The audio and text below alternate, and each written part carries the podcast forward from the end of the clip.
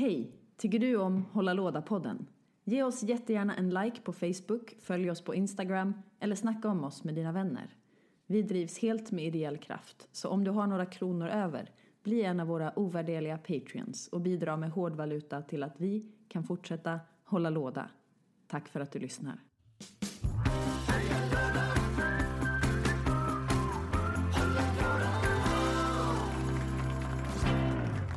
Tjena Samuel! Halloj! Hur är läget? Det är bara fint. Nu glömde du presentera podden. Nej, det ska jag göra snart. Ah, du har vänt på det. Ja. Jo, Tjena, det är Samuel. fint. Hallå Stefan! Gött. Hur är läget? Det är bara fint. Gött. Vad heter det? Varmt välkomna allihopa till Hålla Låda-podden. Podden som pratar om brädspel, kortspel och alla möjliga analoga spel. Ibland digitala, men vi fokuserar på analoga. Samuel, ehm, vi, eller man kan väl säga att jag hade en liten överraskning till dig. Vi hade egentligen tänkt att prata om digitala medel i spel, apropå analoga och dig- digitala spel. Men när du kom hit idag till vår eh, eminenta studio så bytte jag genre. Ja, du, eh, du gjorde en kupp. En kupp. Och vad ska vi prata om istället? Microgames. Microgames. Och microgames det är alltså en em, benämning på em, små, väldigt lätt, um, lätt spelade, bärbara spel som oftast brukar vara som små fillers. Kallas ibland fillers av vissa människor. Men microgames behöver inte heller alltid vara fillers. Eller? Nej, det finns ju, det finns ju små eh, spel. Nu har jag inget exempel bara för det. Men, eh, Star Realms till exempel. Ja, men det går ju väldigt fort. Ja, Eh, fast man kan ju spela Star Realms en hel kväll. Ja men det kan man ju med, med de flesta. Man kan spela Laboratory en hel kväll också. Ja, men precis. Men jag tänkte att det finns ju spel som är små i formatet men tar, tar lång tid. Little Tiny Adventures. Little Epic. Tiny, Tiny Epic. Tiny Epic. Ja, de eh, tar ju... lite plats, men det blir ju typ ett helt brädspel när man liksom fläker ut den. Även One Deck Dungeon är ett helt spel. Ja.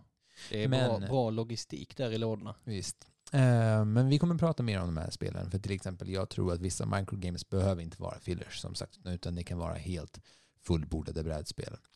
Men eh, Samuel, eh, vad har du haft för dig den här veckan? Jag har inte hunnit spela så mycket i alla fall. Jag har Right. kört lite Scythe på Steam, men Mm. varje gång man startar. Vi kommer komma in på vad vi har, vi har spelat sen sist. Jag, jag, jag, tänkte mer fråga dig, så här, vad, Ja, vad jag hur, mår du? Vad har du gjort? Ja. hur, hur har du haft det? Jag har mest eh, burit runt mitt barn. Mm? Karin? Ja. Hur mår hon? Hon, eh, hon mår bra. Hon har fyllt ett år va? Ja. Gött. Hur är, hur är det att vara pappa och ha ett brädspelsintresse? Ehm, det är ju bitterljuvt. Eh, Man ser brädspelen ligga där i hyllan, samla damm. Ja, precis. Att det är ju mest stunderna när hon sover eller så Mm. och man inte har någon att, eh, att spela med. Som, Eh, eller- som man tar fram brädspelen, dammar av dem, tittar på dem och sen, stoppar man tillbaka det. Nej, Jag tänkte det, det är då man, eh, då man saknade. Dagarna, dagarna går ju åt. Man hinner, Mm. inte, hinner inte fokusera så mycket på, på att vilja spela spel för man Nej. har så mycket annat både kul och krävande att tänka på. Men det intressanta är att jag har börjat köpa fler brädspel när jag fick min unge. Men spelat mindre än vad jag någonsin gjort. Det är som en, en sån här själv, alltså självplågeri. Att jag bara här samlar fler och fler för att en dag ska få, få spela dem. Eh, men jag hinner ju inte. Ja, jag har inte, jag tror inte jag köpt någonting nytt sedan i mars. Mm. Men eh, däremot så har jag eh, köpt, Yeah right. Du köpte, senast, var det, var senast, det verkligen trumvirvelmaterial? senast idag köpte du ju inserts till sajt. ja, jag. är inserts är inte spel. Nej, det, Det är, in, det är inredning. Ja, fråga. Eh, det, är, det är en definitionsfråga tycker jag. Men jag har faktiskt hållit vår, eh, vår pakt att inte köpa eh, någon, alltså fler tillbehör till Scythe eh, förrän vi har börjat spela Rise of Fenris. Har ni, har ni börjat spela Rise of Fenris? Du och jag hade den pakten. Ja, men, ha- men, vi, men vi har inte börjat spela Rise of Fenris. Nej, men en insert är ju inte eh, det, det är inte en expansion eller så. Det var ju det vi lovade att vi inte skulle köpa Sant. eh, Så mer, är- mer content till spelet innan vi hade börjat, eh, så, börjat spela det Men faktiskt. det, det är kul hur vi så här tänjer gränserna lite mer. Så här, Nej men jag ska bara köpa myntet till spelen. Jag ska bara köpa insert. Jag har ju köpt hur mycket insert som helst till site. Så det, är- det är Ja. svårt att hålla sig undan. Mm. Så att jag har, eh, håller på att limma ihop, eh, inte till Scythe utan eh, Living Card Game, eh, den, li, li, ja, den li- lilla varianten från eh, Foley Space, inserten till eh, eh, alltså Silver Line kallas lådstorleken, Mm. alltså Blood Bowl, Arkham Horror och, och så. Cool. Men låt oss återgå till det vi alltid brukar gå till och det är vad vi har spelat sen sist. Yes. Så nu kan vi komma- in på det. Vad har du spelat sen sist? Jag har spelat lite Scythe på Steam. Mm. Men eh, varje gång man startar eh, Steam så får man ju storstryk för att det, det är ju folk som eh, har gått all in känns det som. Eh, när man tittar på deras eh, sån ELO-rating. Att, eh, Vad då för rating? ja men de kör det här schack, tror jag det används till från början, ELO-rating för man får en siffra som eh, höjs eller sänks när man eh, vinner eller förlorar. Så att man kan möta folk med, eh, med samma poäng och om man möter någon med bättre rating så får man eh, mer, eh, mer poäng helt enkelt. Ja, ja okej. Så folk spelar he- helt enkelt sajt för att på riktigt vinna någonting. Alltså för att vinna cred. Eh, Status. Ja, ja, precis. Men det känns som att det är mycket folk eh, som kanske inte har någon att spela med fysiskt eller bor eh, långt bort från eh, ställen eller så. Mm. Eh, så att de har liksom satsat mer tid. Det här är bara bortförklaringar för att jag är dålig. Så jag försöker ju Nej, det är det inte alls. Utan försöker jag, hitta på att det är sådana Rain Man. men alltså jag tycker det är fantastiskt att det finns digitala brädspel. Alltså brädspel som har överförts till, till digitala medel så, så som på Steam. För Mm. det möjliggör ju liksom till folk som inte har kanske vänner som bor nära Ja. eller vänner som kan spela i en lokal liksom, butik. ehm, eller bara vänner. Ja, jo precis. Och det är ett schysst sätt att eh, de är ganska billiga de flesta så man kan ganska billigt liksom testa ett Mm. eh, spel. Through the Ages finns ju också Just det. eh, på Steam med ett eh, fantastiskt eh, specialläge som inte man kan byta vy så att antingen så ser det ut som det vanliga spelet eller så byter man och då ser man det som en liten eh, Alltså din civilisation syns eh, som en liten by. Och även mitt um, Kickstarter-spel Nemesis finns ju digitalt. What? Mm. Så är det. Menar du Alien Isolation nu? Eh, ja. Vad heter det? Men du har inte spelat någonting mer sen sist? Inga, digita- inga analoga spel? Eh, nej, Mm. All right. Men det är bara ett par dagar sedan vi spelade in sen, uh, sen sist. En, en vecka sedan typ. Två veckor sedan. En och en halv. En är det nog. Ja. Ja, ja. Jag har i alla fall spelat eh, första uppdraget som eh, släpptes i nya Unlock-lådan, säsong 4. No spoilers. Eh, och jag tycker bara att det var väldigt fint. Jag gillar att de väljer att gå en lite annan väg än vad de har gjort innan. Ehm, och det bygger på en 8-bits Nintendo-aktig värld. Eh, plattformsspel. Det är väldigt kul. Det här är Oj. ingen spoiler, det står nämligen på baksidan av kartongen. Men det är väldigt fint. Det är så här smartlöst och det är mer story-drivet. Eh, och att det finns lite så alternativa vägar att gå eh, än i vanliga unlock som oftast brukar ha en väg. Eh, Ja, det var en lock. Jag, jag satt med, med Exit Ja. eh, i huvudet och Nej. bara den här bilden med dödskallen och fick inte ihop det. Nej, nej, den eh, har jag inte börjat spela än. Vi har ju köpt den, det pratade vi om sen sist. Men jag har också köpt Unlock-lådan. Alltså, och Unlock är ett spel i är det, är det eh, femman? Har femman släppts nu? Fjärde tror jag att det är. Fjärde säsongen. Kanske femte. Nej, jag tror att det är fjärde. Ganska säker på det. Är inte fyran den med Wizard of Oz? Nej, det är trean. det är trean. Rätta oss om vi har fel, kära lyssnare. Men jag tror att, jag, att det är säsong fyra är den med Sherlock Holmes, den här 8-bit-spelet och eh, Alice i Underlandet. Ja. Men eh, jag spelade det där 8-bits-äventyret med min fru och eh, tyckte att det var jätte, jättekul. Bland de roligare Unlock-äventyren. Nice. Sen, sen gillar jag temat väldigt mycket. Jag gillar det här retro-känslan i um, spel. Mm. Så det var väldigt kul att de gjorde det även i ett eh, brädspel. Ja, det är kul att de har eh, branchat ut så mycket i, i olika teman så att varje, varje mission blir eh, liksom speciellt, alltså inte bara i pusslet utan också i, i upplevelsen. Precis, och det gör ju även att vår resa blir ännu mer immersive. Alltså Ja. Det känns som att man verkligen är i spelet när man ser de här fina, fina bilderna.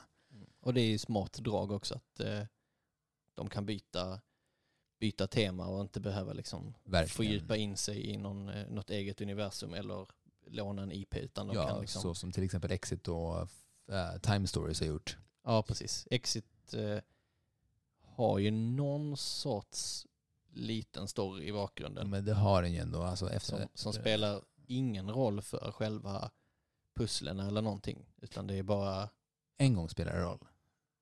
aj, En aj. gång. Vad jag vet, vad jag vet. Ehm, men det som är kul med Exit är att det ändå finns någon form av så röd tråd genom hela berättelsen. Ish. Ja, Men ehm, lite Ja. krydda. lite krydda. Och i Unlock finns det inget alls. Som jag, så vitt jag vet. Men eh, det har jag spelat i alla fall. Och sen har jag spelat en del War of the Spark, eh, Magic the Gathering, eh, Drafts. Och jag tycker det är ett väldigt, väldigt kul sätt. Jag var extremt skeptisk till det här sättet. Extremt, för jag tror inte att man kan ha 36 stycken planeswalkers i ett sätt och försöka behålla någon form av um, balanserat spel. Men okej, och det är ju inte balanserat egentligen heller. Det är ganska obalanserat. Det är väldigt bombigt. Det handlar om att ha, få så bra kort som möjligt och så vinner man. Men det är fortfarande väldigt knäppt och ganska kul. För du sitter med typ tre planeswalkers varje runda. Ja, det är nice. Jag, just det, jag har också spelat lite fast på eh, Arena. Magic Arena då. Mm. Ehm, inte så mycket vanliga Magic utan det här eh, Moomier Basic-formatet när man har en lek som bara består av eh, Basic-länder och Planeswalkers. Och sen, eh, Berätta om det. Vad gör man där? ehm, ja man har ju som sagt bara, i originalformatet så finns det en, så har man inga Planeswalkers i, men nu har de gjort en twist på det. Så att alla har, eh, eller alla har en av eh, varje War of the Spark Planeswalker i, eh, i sin 100-kortslek. Och sen har man ett emblem och så kan man då betala X mana, slänga ett kort och då läggs det in en kopia av en creature som är random från något av de eh, släppta expansionerna på, eh, på arena. Just det. Det kommer alltså in vara vilken gubbe, som, vilken, vilket kort som helst. Ja. Vilken creature som helst. Ja, men som har den eh, converted mana-kosten. Ja. Så att det kan vara allt från eh, liksom ett skräpigt common som är en 2-2 för 6 till eh, legendariska drakar. Coolt. Eh, gillar, du, gillar du den eller är det för random? Finns det någon strate- strategi i det, överhuvudtaget? Ehm, ja, strategin är att inte betala 11. För att det finns- det finns inga? Nej. Min motståndare gjorde det och sen eh, scoopade han, ja, det är eller kul. hen. hen. Men 12 är nice för det finns bara en som kostar 12 och det är eh, Galta. Ja, ja, just det. Och Galta är bra, ja. Yes. Och för er som inte vet så är det en jättestor dinosaurie. Som gör saker. Ja, den gör ingenting men den har trample. Ja, det är den som kostar 12, ja. Just det. Just det, 12, 12 med trample. Nej, mer. Ja, Fem. 12, 12 12 med trample. Och så, kost, och så blir den billigare för varje så är det. Coolt. Cool, men ska vi gå till nyheter Samuel? Vad har hänt den här veckan?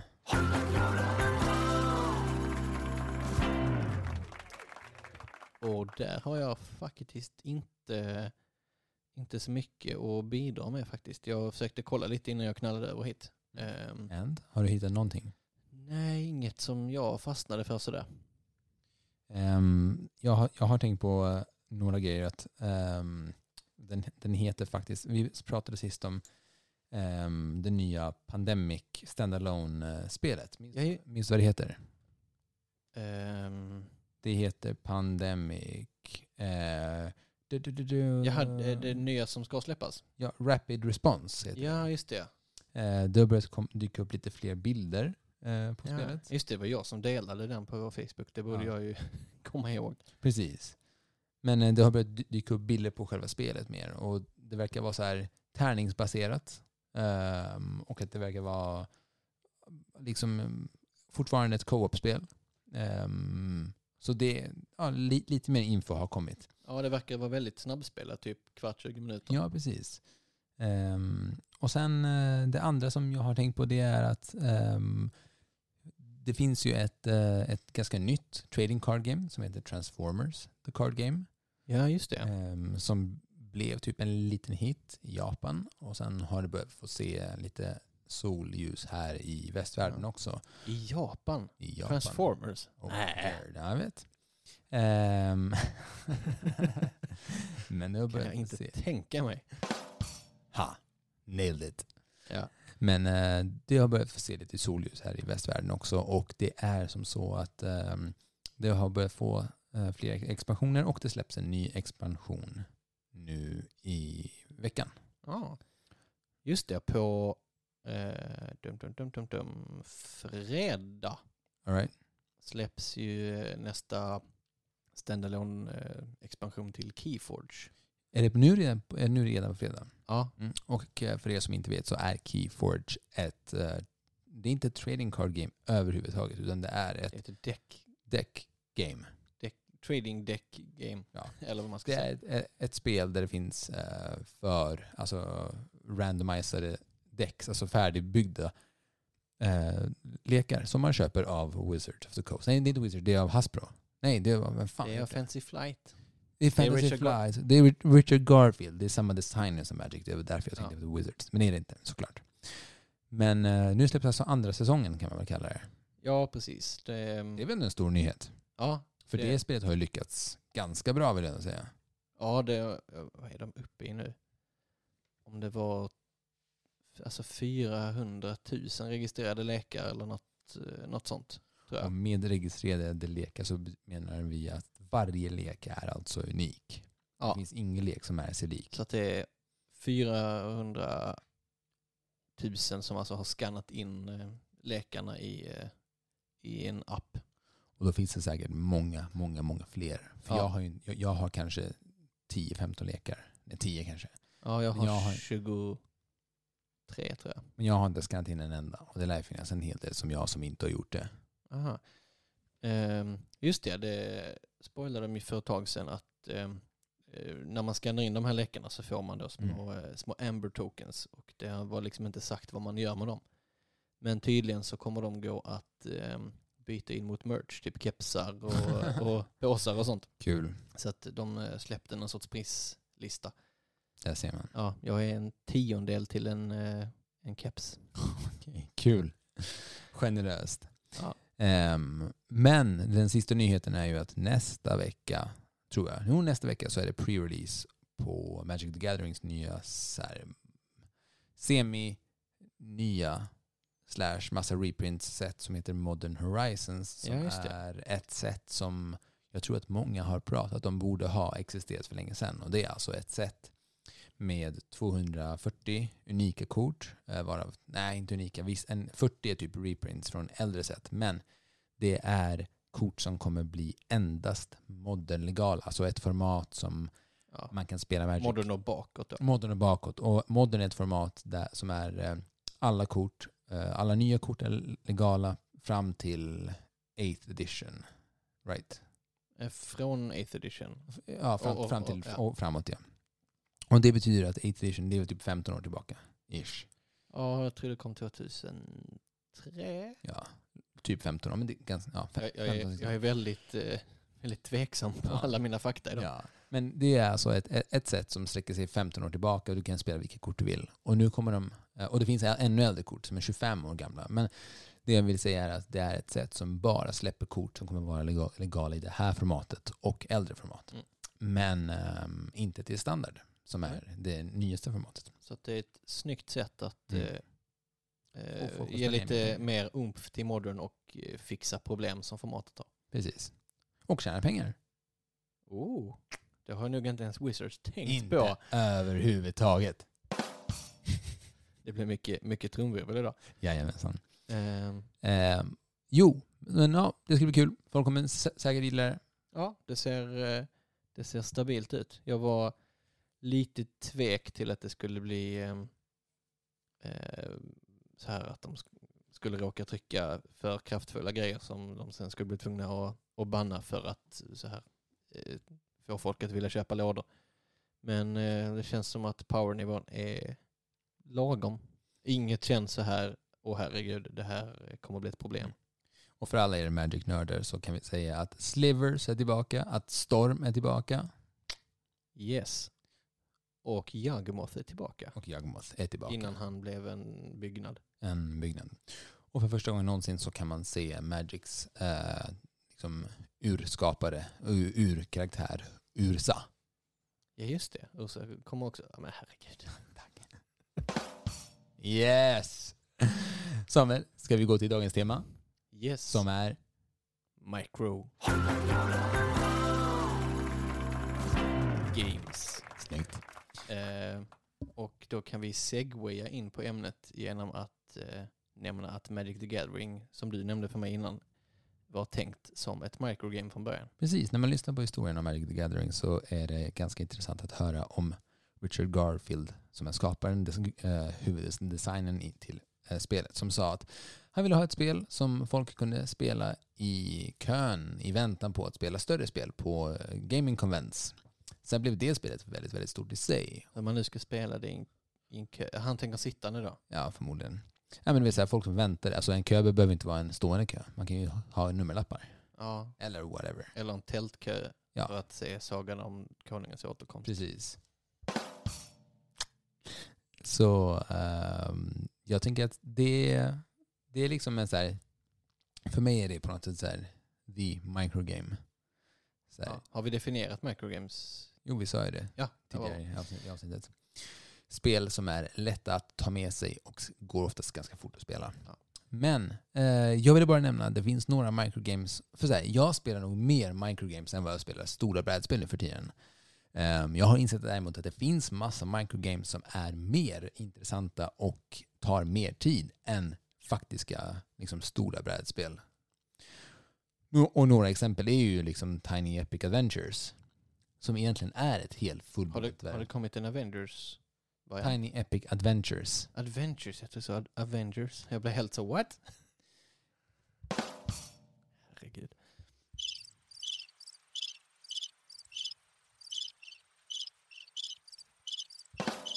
Okej. Samuel, vad är Tiny Epic Adventures? Eh, jag har faktiskt inte spelat något av, av Tiny Epic-spelen, men det är ju en liten låda, stor som typ en eh, plånbok, Typ. eller vad man ska säga. Låt oss säga en liten... Det är typ, typ kanske om man lägger sex stycken cigarettpaket på varandra. Tre och sen lägger du tre på de tre. Typ så stort.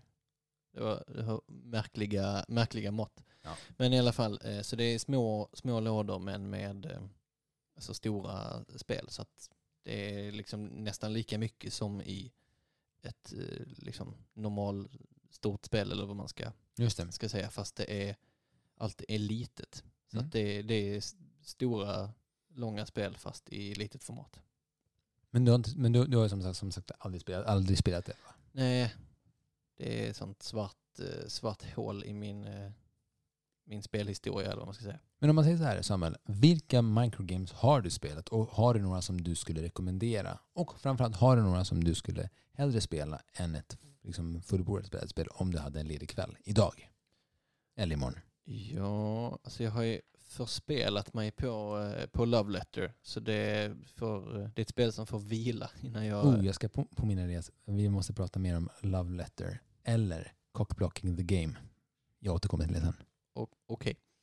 Ehm, men det har jag spelat otroligt mycket. Så det är ett, eh, ett hett tips eh, för folk som vill spela lite men eh, med folk som inte spelar så mycket spel. Det är ett jätte, jätte, jättebra spel.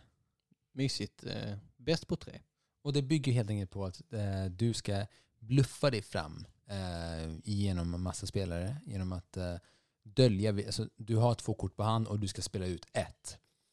Och du, och du ska bluffa vilket kort det är du spelar. Ja. Och, och så har de andra möjlighet att eh, liksom bluffstoppa dig. Ja. Och eh, gör de det så, kan, så åker du ut. Och så spelar man tills alla har åkt ut. Mm. Jätte, jättefint och smart, smart design. Det är faktiskt mycket mer strategiskt än vad det låter. Mm. Senji Kanai är, det är lite hans signum känns det som. Alltså?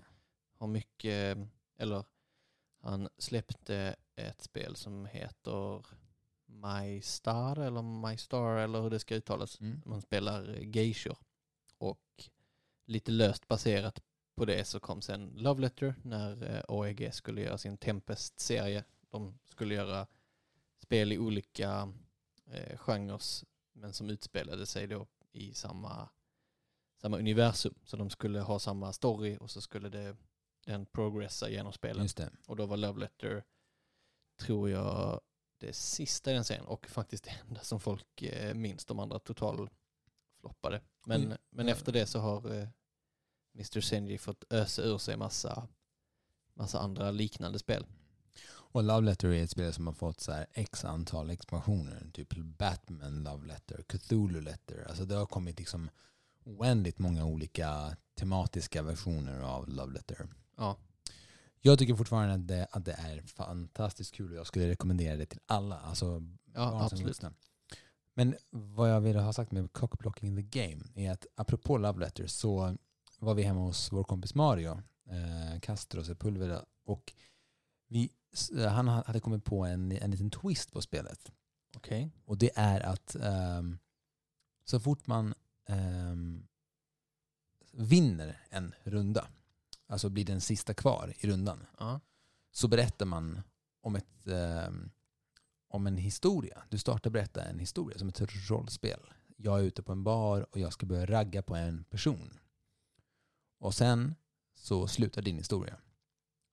Vid ett till- tillfälle typ. Jag går fram till personen vid baren och säger Tjena, hur är läget? Får jag bjuda dig på en drink? Sen så börjar man köra love, love letter igen. Och sen när nästa person vinner eh, Eh, så ska, så ska den personen ta över historien men berätta utifrån sitt perspektiv. Eller om du vinner så får du fortsätta historien. Men om jag vinner, så kan jag, så- eller om du skulle vinna och jag, jag, jag var först, så kan du fortsätta historien som är så här.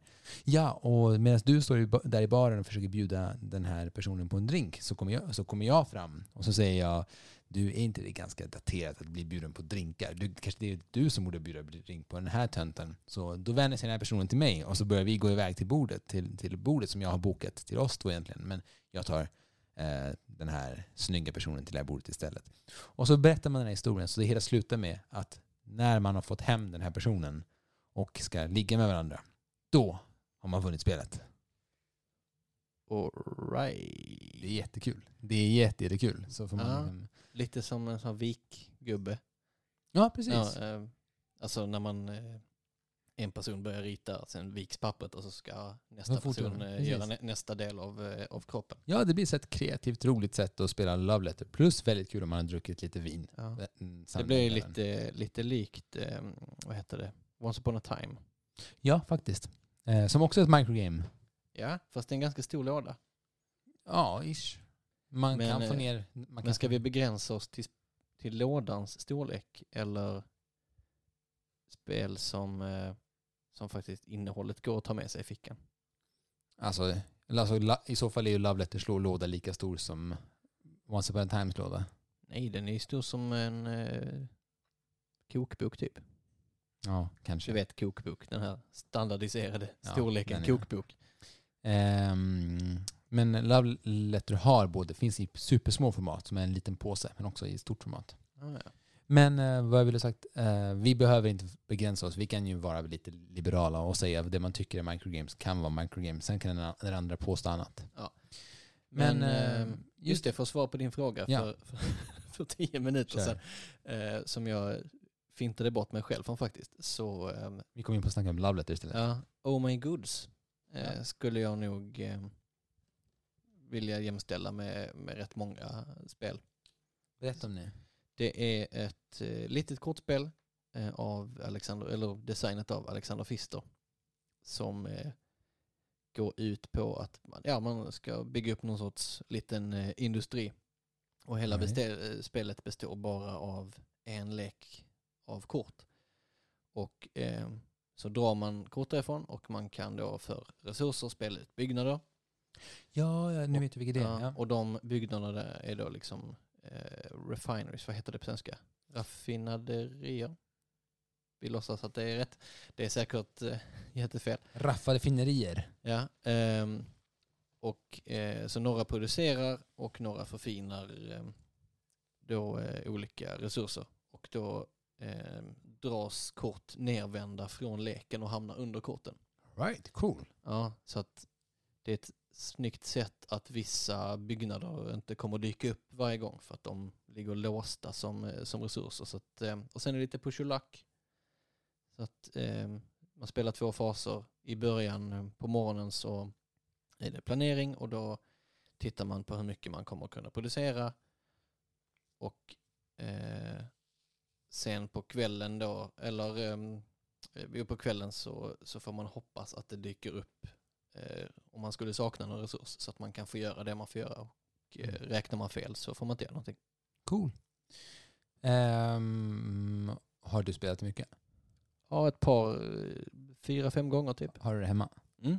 Då vill jag låna det. Jag skulle jättegärna vilja testa det. Ja, Jag har bara hört om det och jag har jävligt lust att testa det. Mm. För eh, ett annat spel som jag vet, inte vet om du har spelat, men jag har spelat det jättemycket. Och jag vet att vår gäst Petras, eh, ett av hennes favoritspel är Star Realms, som jag nämnde lite tidigare. Mm, det har jag spelat. eh, Det har jag också spelat Mm. på Och- mobilen. Och Star, ja, men det, det har jag också gjort. Det är faktiskt jättefint på Mm. mobilen också, men det är mycket roligare i kortform. Men Star Realms är alltså ett deck building game. Alltså du har ehm, en sex, fem kort på hand och så ska du bygga en ehm, typ en Starfleet, en, en flotta Ja. som ska attackera din- dina motståndare. Och så kan du bygga antingen rymdskepp eller en rymdbas eller ehm, i expansionerna finns även typ events. Någonting som gör mycket påverkan fast bara en gång. Mm. Det finns även kaptener och hjältar som man kan spela ut. Men i Ja. grundspelet som jag har spelat mest finns bara skepp och baser. Och så spelar man eh, mellan två till fyra spelare. Det är egentligen tänkt för två spelare men det går att spela upp till fyra spelare. Då behöver du två stycken startlekar. Eh, och sen så spelar man tills den andras ehm, liv har gått till noll. Fantastiskt eh, spel. Alltså, jag tycker att det är, nu är det ju så dumt att jämföra spel som är släppta med tio års mellanrum och eh, all den utveckling som har skett i, i genren. Men jag tycker det är ett långt mycket intressantare deckbuilding game än Dominion. Och ett deckbuilding game är alltså du har en, en lek från start med x antal kort och sen så kan du köpa in flera kort till den leken. Och varje gång du spelar ut kort så lägger du dem i en slänghög. Och när alla korten har gått i slänghögen då blandar du om med de nya korten som är ännu starkare än de gamla. Eh, just det, White Wizards, White Wizard Games som, eh, som har gjort Star Realms har också gjort ett spel som heter Epic. Just det. Som är ja, men Magic, Hearthstone, On crack. Ja, aktigt. Alltså, alla monster och, och spel som man har i sin lek är, kostar antingen noll eller en resurs och sen så är deras stats liksom helt, helt löjliga. Så att allting är alldeles för bra. Och det är det spelet, eh, spelet går ut på. Att så, du tänker att oj, nu kommer jag ju vinna och sen så, så vänder det fram och tillbaka. Ja. Det är också eh, schysst eh, macro-game.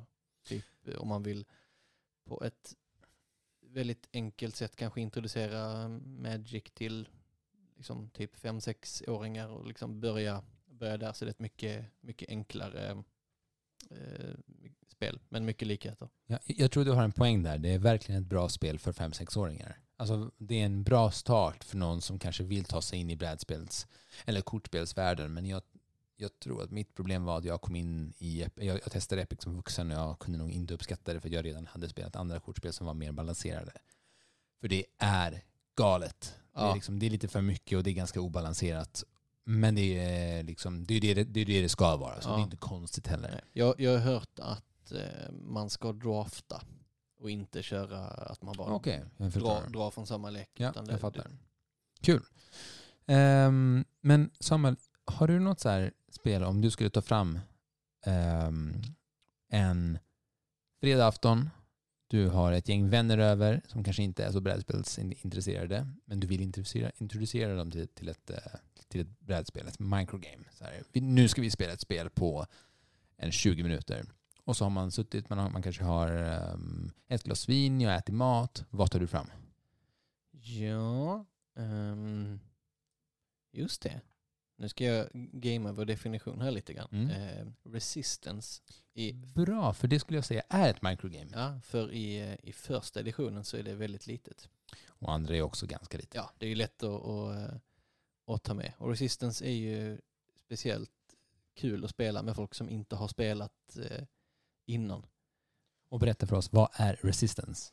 Det är ett, eh, vad ska man säga, hidden, alltså ett spel när man eh, har dolda identiteter och eh, så spelar alla eh, överlevare efter någon sorts apokalyps Och i gruppen finns också förrädare som jobbar för den korrupta staten. Och eh, så gäller det att utifrån hur folk agerar och eh, hur det går på de olika uppdragen eh, som gruppen tar sig ut på, ta reda på vilka som är eh, bad guys och utesluta dem ur gruppen. Lite som Robinson. Ja, men alltså det är lite så här communism the game. För vi är ju så spioner som arbetar för det röda laget. Och sen så, ehm, det som är kul är att varje runda startar med att en är kapten. eh, typ mission leader. Ja. Och så ska den personen välja vilka två som ska följa med på ett uppdrag. Mellan två till tre personer ska skickas iväg på ett uppdrag och ehm, ja, men, ehm, utföra handlingarna. Det roliga här är att det finns också rollspelselement i eh, Resistance som jag tycker är kul. För till exempel missionledaren, missionledaren skulle kunna vara mer eh, utförlig med sina uppdrag. Så att man liksom, eh, okej, eh, till det här uppdraget så, så, så skulle jag behöva två stycken av våra bästa spioner som ska ta sig in, infiltrera ehm, det här eh, det, on, liksom det onda, onda multicorpbolaget, plantera två bomber samtidigt som de är utklädda till, post, till budbärare. Ni har med er en tårta till bossens eh, födelsedagspresent, etc. etc. Mm. Så det finns ganska mycket möjlighet att göra en ganska rolig eh, rollspelsupplevelse Ja. eh, under den kvällen. Eh, så bra, sjukt bra idé. Jag, jag gillar ju Resistance jättemycket. Förutom att man kan bli väldigt mycket ovänner. Ja, men då får folk skärpa sig. Alltså, jag har väldigt många som har blivit ovänner under Resistance. Ja, men folk, folk kan inte ta spel för, för personligt för att om relationer utanför brädet påverkar valen man gör för mycket så blir det liksom, då, då tappar spelet lite integriteten. Sen är det ju roligt eh, om typ så någon är lite sur på någon och därför går på den personen. Men eh, Ja, men det är ju det som är så här charmen i det spelet också. Att man kan, alltså ett, ett så pass enkelt spel kan skapa så mycket intriger. För hela det spelet handlar ju bara om intriger. Ja. och, och ja, spel har integritet. Ja, ja, absolut. Men gud ja, jag håller med till 100 procent. Det är därför vi har den här podden, Ja. tänker jag. För vi pratar om spel utifrån ett här kulturellt perspektiv. Att det faktiskt har en hög status och, och är superviktiga för vår, in till vårt samhälle. Men, Resistance. Ja, och 8 Minute Empire vill jag också slå Jag bara- slag för. Vi kommer in där snart. Om, om jag bara får så här segwaya in i Ko. Ja. För det befinner sig i samma universum som Resistance. ja. Och har du spelat Ko? Mm. Fantastiskt. Eller jag har spelat eh, den större varianten.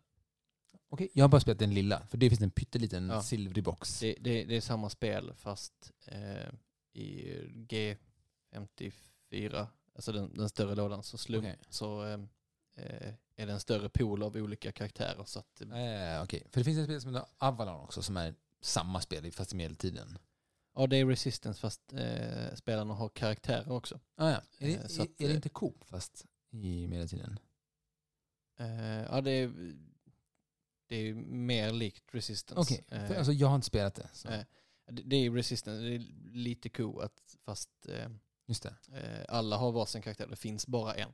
Just det. Och eh, så För- he, helt plötsligt så gör någon Merlin-grejer och så. Det men det, det ligger mellan, skulle För- jag i för säga. För Coop skulle jag säga är en blandning mellan Resistance och Love Letter. För det är som att det är Love Letter med abilities. Liksom. Ja. För det är, det är lite samma grej. Du drar två kort och spelar ett kort. Mm. Och så bluffar du. Och sen, och sen, sen kan du samla liksom pengar för att slå ut någon. Eh, så det är... Coop är också så himla enkelt att ha med sig och väldigt går fort att spela. Så att jag skulle det enda med Coop är att det går så, alltså jag ser ko som en C-O-U-P, alltså en Coop. Ja. Eh, franskt eh, ord. Men det jag tänker är, det är det jag gillar med, det spelet är att det går så fort att spela. Du, det kan vara fem personer som spelar klart en runda på fem minuter, tio Ja. minuter. Men jag har också suttit, suttit en hel kväll och spelat det här spelet. Ja, det är jätte, jätteroligt.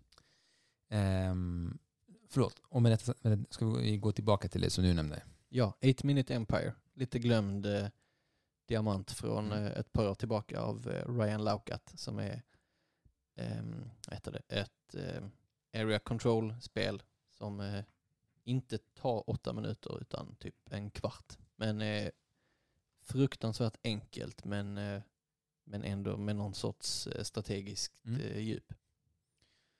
Ehm, Jag vill bara nämna två spel som är lite mer så konceptuella. Mm. och det ena är Hanabi. Som jag tycker är jättekul. Och jag höll nästan på att missa ett flyg på grund av Hanabi. Oj. För att vi var tre, fyra personer som spelade Hanabi och helt plötsligt så hade vi ehm, från två timmar, tio minuter kvar att springa till gaten. Men Hanabi är eh, ett, ett spel som är väldigt så strategiskt och smart. Att alla har fem kort på hand vill jag säga. Fyra, fem kort, sex kort. Vi säger fem kort. Eh, och vi ser inte vilka fem kort vi har. Men alla, alltså en själv ser inte, men alla andra ser. Och hela poängen med spelet är att det finns, låt säga fem färger. Gult, blått, gult, blått, vitt, rött, lila. Och så ska vi placera korten från ett till och med fem i storleksordning. I färdigordning. Så vi behöver eh, med hjälp av varandras hjälp eh, veta vilka kort vi ska placera. Och man får bara ge ledtrådar eller ehm, ta en hint. Tror jag att det är. Ja. Nej, man får dra ett kort. Precis, dra ett kort, diska ett kort, dra ett kort. Du får placera, ner, placera ett kort eller så får du ge en ledtråd. Men om du ger en ledtråd, då förlorar du en ledtrådsmarkör. Och du kan bara ge tio, upp till tio ledtrådar. Sen Ja. börjar till tiden slut. Och, och de tio kan eh, i början verka så mycket. Men det är det inte. Det går jättefort. Ja, ja, jag är så fruktansvärt dålig på Hanabi för att jag saknar eh, både långtids och Mm. närtidsminne. Just det. Vi har gjort så här interna regler för det spelet. Som hjälper en. Alltså att hjälper alla oss för att, att, att veta vad, vad man ska göra. Ah. Eh, till exempel att de korten som man har fått först, eh, eller som man har fått, man har fått nyast, ska alla hålla längst till vänster. Och kortet som man planerar att dis discarda, om, om man behöver discarda, lägger man längst till höger så att alla kan se hur du tänker. Aha. Så det är, så här, det är så interna, interna små tips. Är nästa spel The Mind? The Mind är nästa spel. Snyggt Samuel. The Mind har jag tjötat om hur många gånger som helst där. Men ja, eh, du, du har nämnt, eh, fyra gånger tror jag. ja, inte så många gånger som jag trodde. Jag håller ju på att lyssna igenom Ja. eh, gamla avsnitt och göra listor på, eh, på spel vi har Men nämnt. det är också för att jag inte har, har spelat The Mind förrän i år. Nej, men tror du jag. nämnde det i julavsnittet i alla fall. Gjorde jag det? Ja, Ja men då så. Men det var i alla fall det här senaste året har jag spelat The Mind. Mm. Oavsett. The Mind, ett enkelt spel. Vi ser, eh, våra, alla har ett till tio kort på hand beroende på vilken runda man spelar och så ska man spela ut eh, kort i storleksordning. Lite som en Hanabi fast ändå inte. Jättebra spel. Spelare, cool. Du, vår tid börjar eh, rinna ut där. Har du någonting mer som du skulle vilja tipsa alla om? För annars skulle jag sen vilja bara säga några slutaktiga ord om just microgames. Ja, jag kan ju passa på eh, för eh, folk som gillar escape room-spelen och sånt. Ja. eh, Så finns det ju en, en mindre serie som bara är en, en kortlek som heter Deckscape. Just det, det har jag spelat två. Som, som verkar schysst. Jag har fa- faktiskt inte spelat dem men de, de har fått varmt rekommenderade till mig. Mm, Och de är helt mindre och snabbare. Och lättare. Ja. Ja, är de det? Ja, mycket. Ja. mycket, mycket, mycket. Ja, men då är det ju perfekt eh, ge bort present och, Verkligen. och sånt. Det blir mest, eh, mest tips idag. Ja, men jag, jag tänker det var länge sedan vi hade ett avsnitt där vi gav tips. Men vi har också pratat om så vad, vad microgames är. Men jag vill bara ta liksom den sista liksom ak- akt och bara säga att det är så himla bra att de här spelen finns. Alltså Mm. att microgame är någonting som är så himla lättillgängligt och liksom ett fantastiskt sätt att bjuda in folk till att spela spel. Exploding Kittens är ett sånt exempel som jag, jag vet att både du och jag egentligen så här avskyr liksom regeltekniskt. Men, eller? Ja, eller alltså... Det, det är inte det mest intressanta jag, spelet. jag vill inte spela det. Jag har, Nej, inget, det emot, jag har inget emot att, eh, att det finns. Nej, men men eh, inte jag heller. Det, är- det är det här jag, jag, jag, spelar hellre Yatzy. Men det är det här jag, jag försöker säga. Jag, även om vi kanske ogillar spelet så, finns, så, har, så är Exploding Kittens bland de mest sålda spelen. Ja, Just och det nu. var ju den största Kickstarter någonsin till Exakt. eh, Kingdom Death Monster 1.5. Ja men precis. Och det jag menar är, det, det, det här är en så bra ingång till större brädspel, till mer Ja. liksom så där komplicerade, komplexa spel. Så att det finns så pass mycket enkla, snygga ingångar i brädspelsvärlden i, de här, i microgamesen som, liksom, som inte är monopol och Alga-spelen och risk. Mm. Utan faktiskt har en ganska så här smarta regelverk och är väldigt så här både, både snygga, konceptuella och riktigt, riktigt bra. Ja, det är, det är liksom ett effektivt sätt att eh, dels förvara och förmedla spelupplevelser. Det, jag har ju 12 stycken småspel och sånt på, på platsen som två stora skulle ha tagit eh, hemma. Men det, storleken har ju egentligen ingenting med, med hur bra eller hur roligt man har med spelen. Nej, som sagt, jag älskar ju The Mind och det är ju pyttelitet. Det är, det är liksom ett, en kortlek. Ja. Men liksom, vi, det, det finns så många och vi har bara liksom nuddat vid ytan vad, vad som finns. Men liksom, alltså, vi har inte ens nämnt Flux som också är superpopulärt. Vi har inte ens nämnt Munchkin. Eh, det är liksom... Ja, vi har inte nämnt Age of War. Ja, men nu menar jag så här, de som säljer extremt mycket. Liksom. Ja, just det. Age of War var en flopp. Ja, jag vet inte vad det är.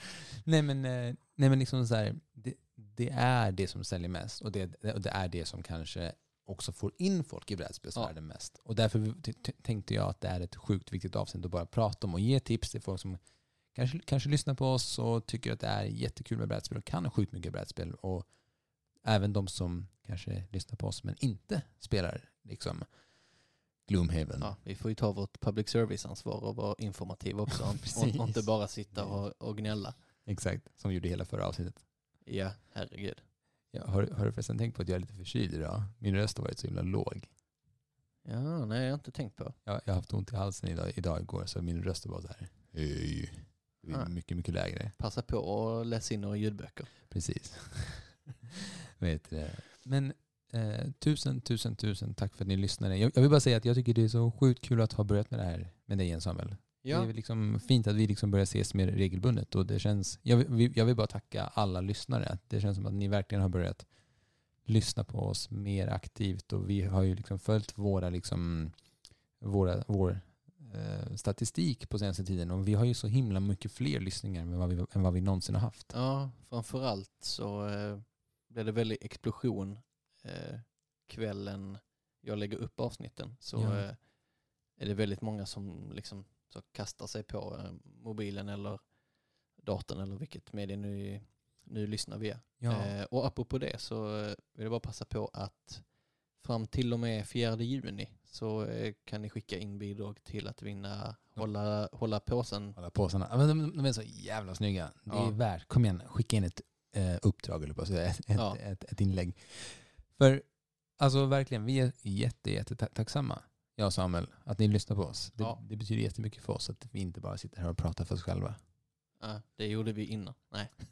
typ. Vi, vi låste in oss i ett rum och sen diskuterade vi saker.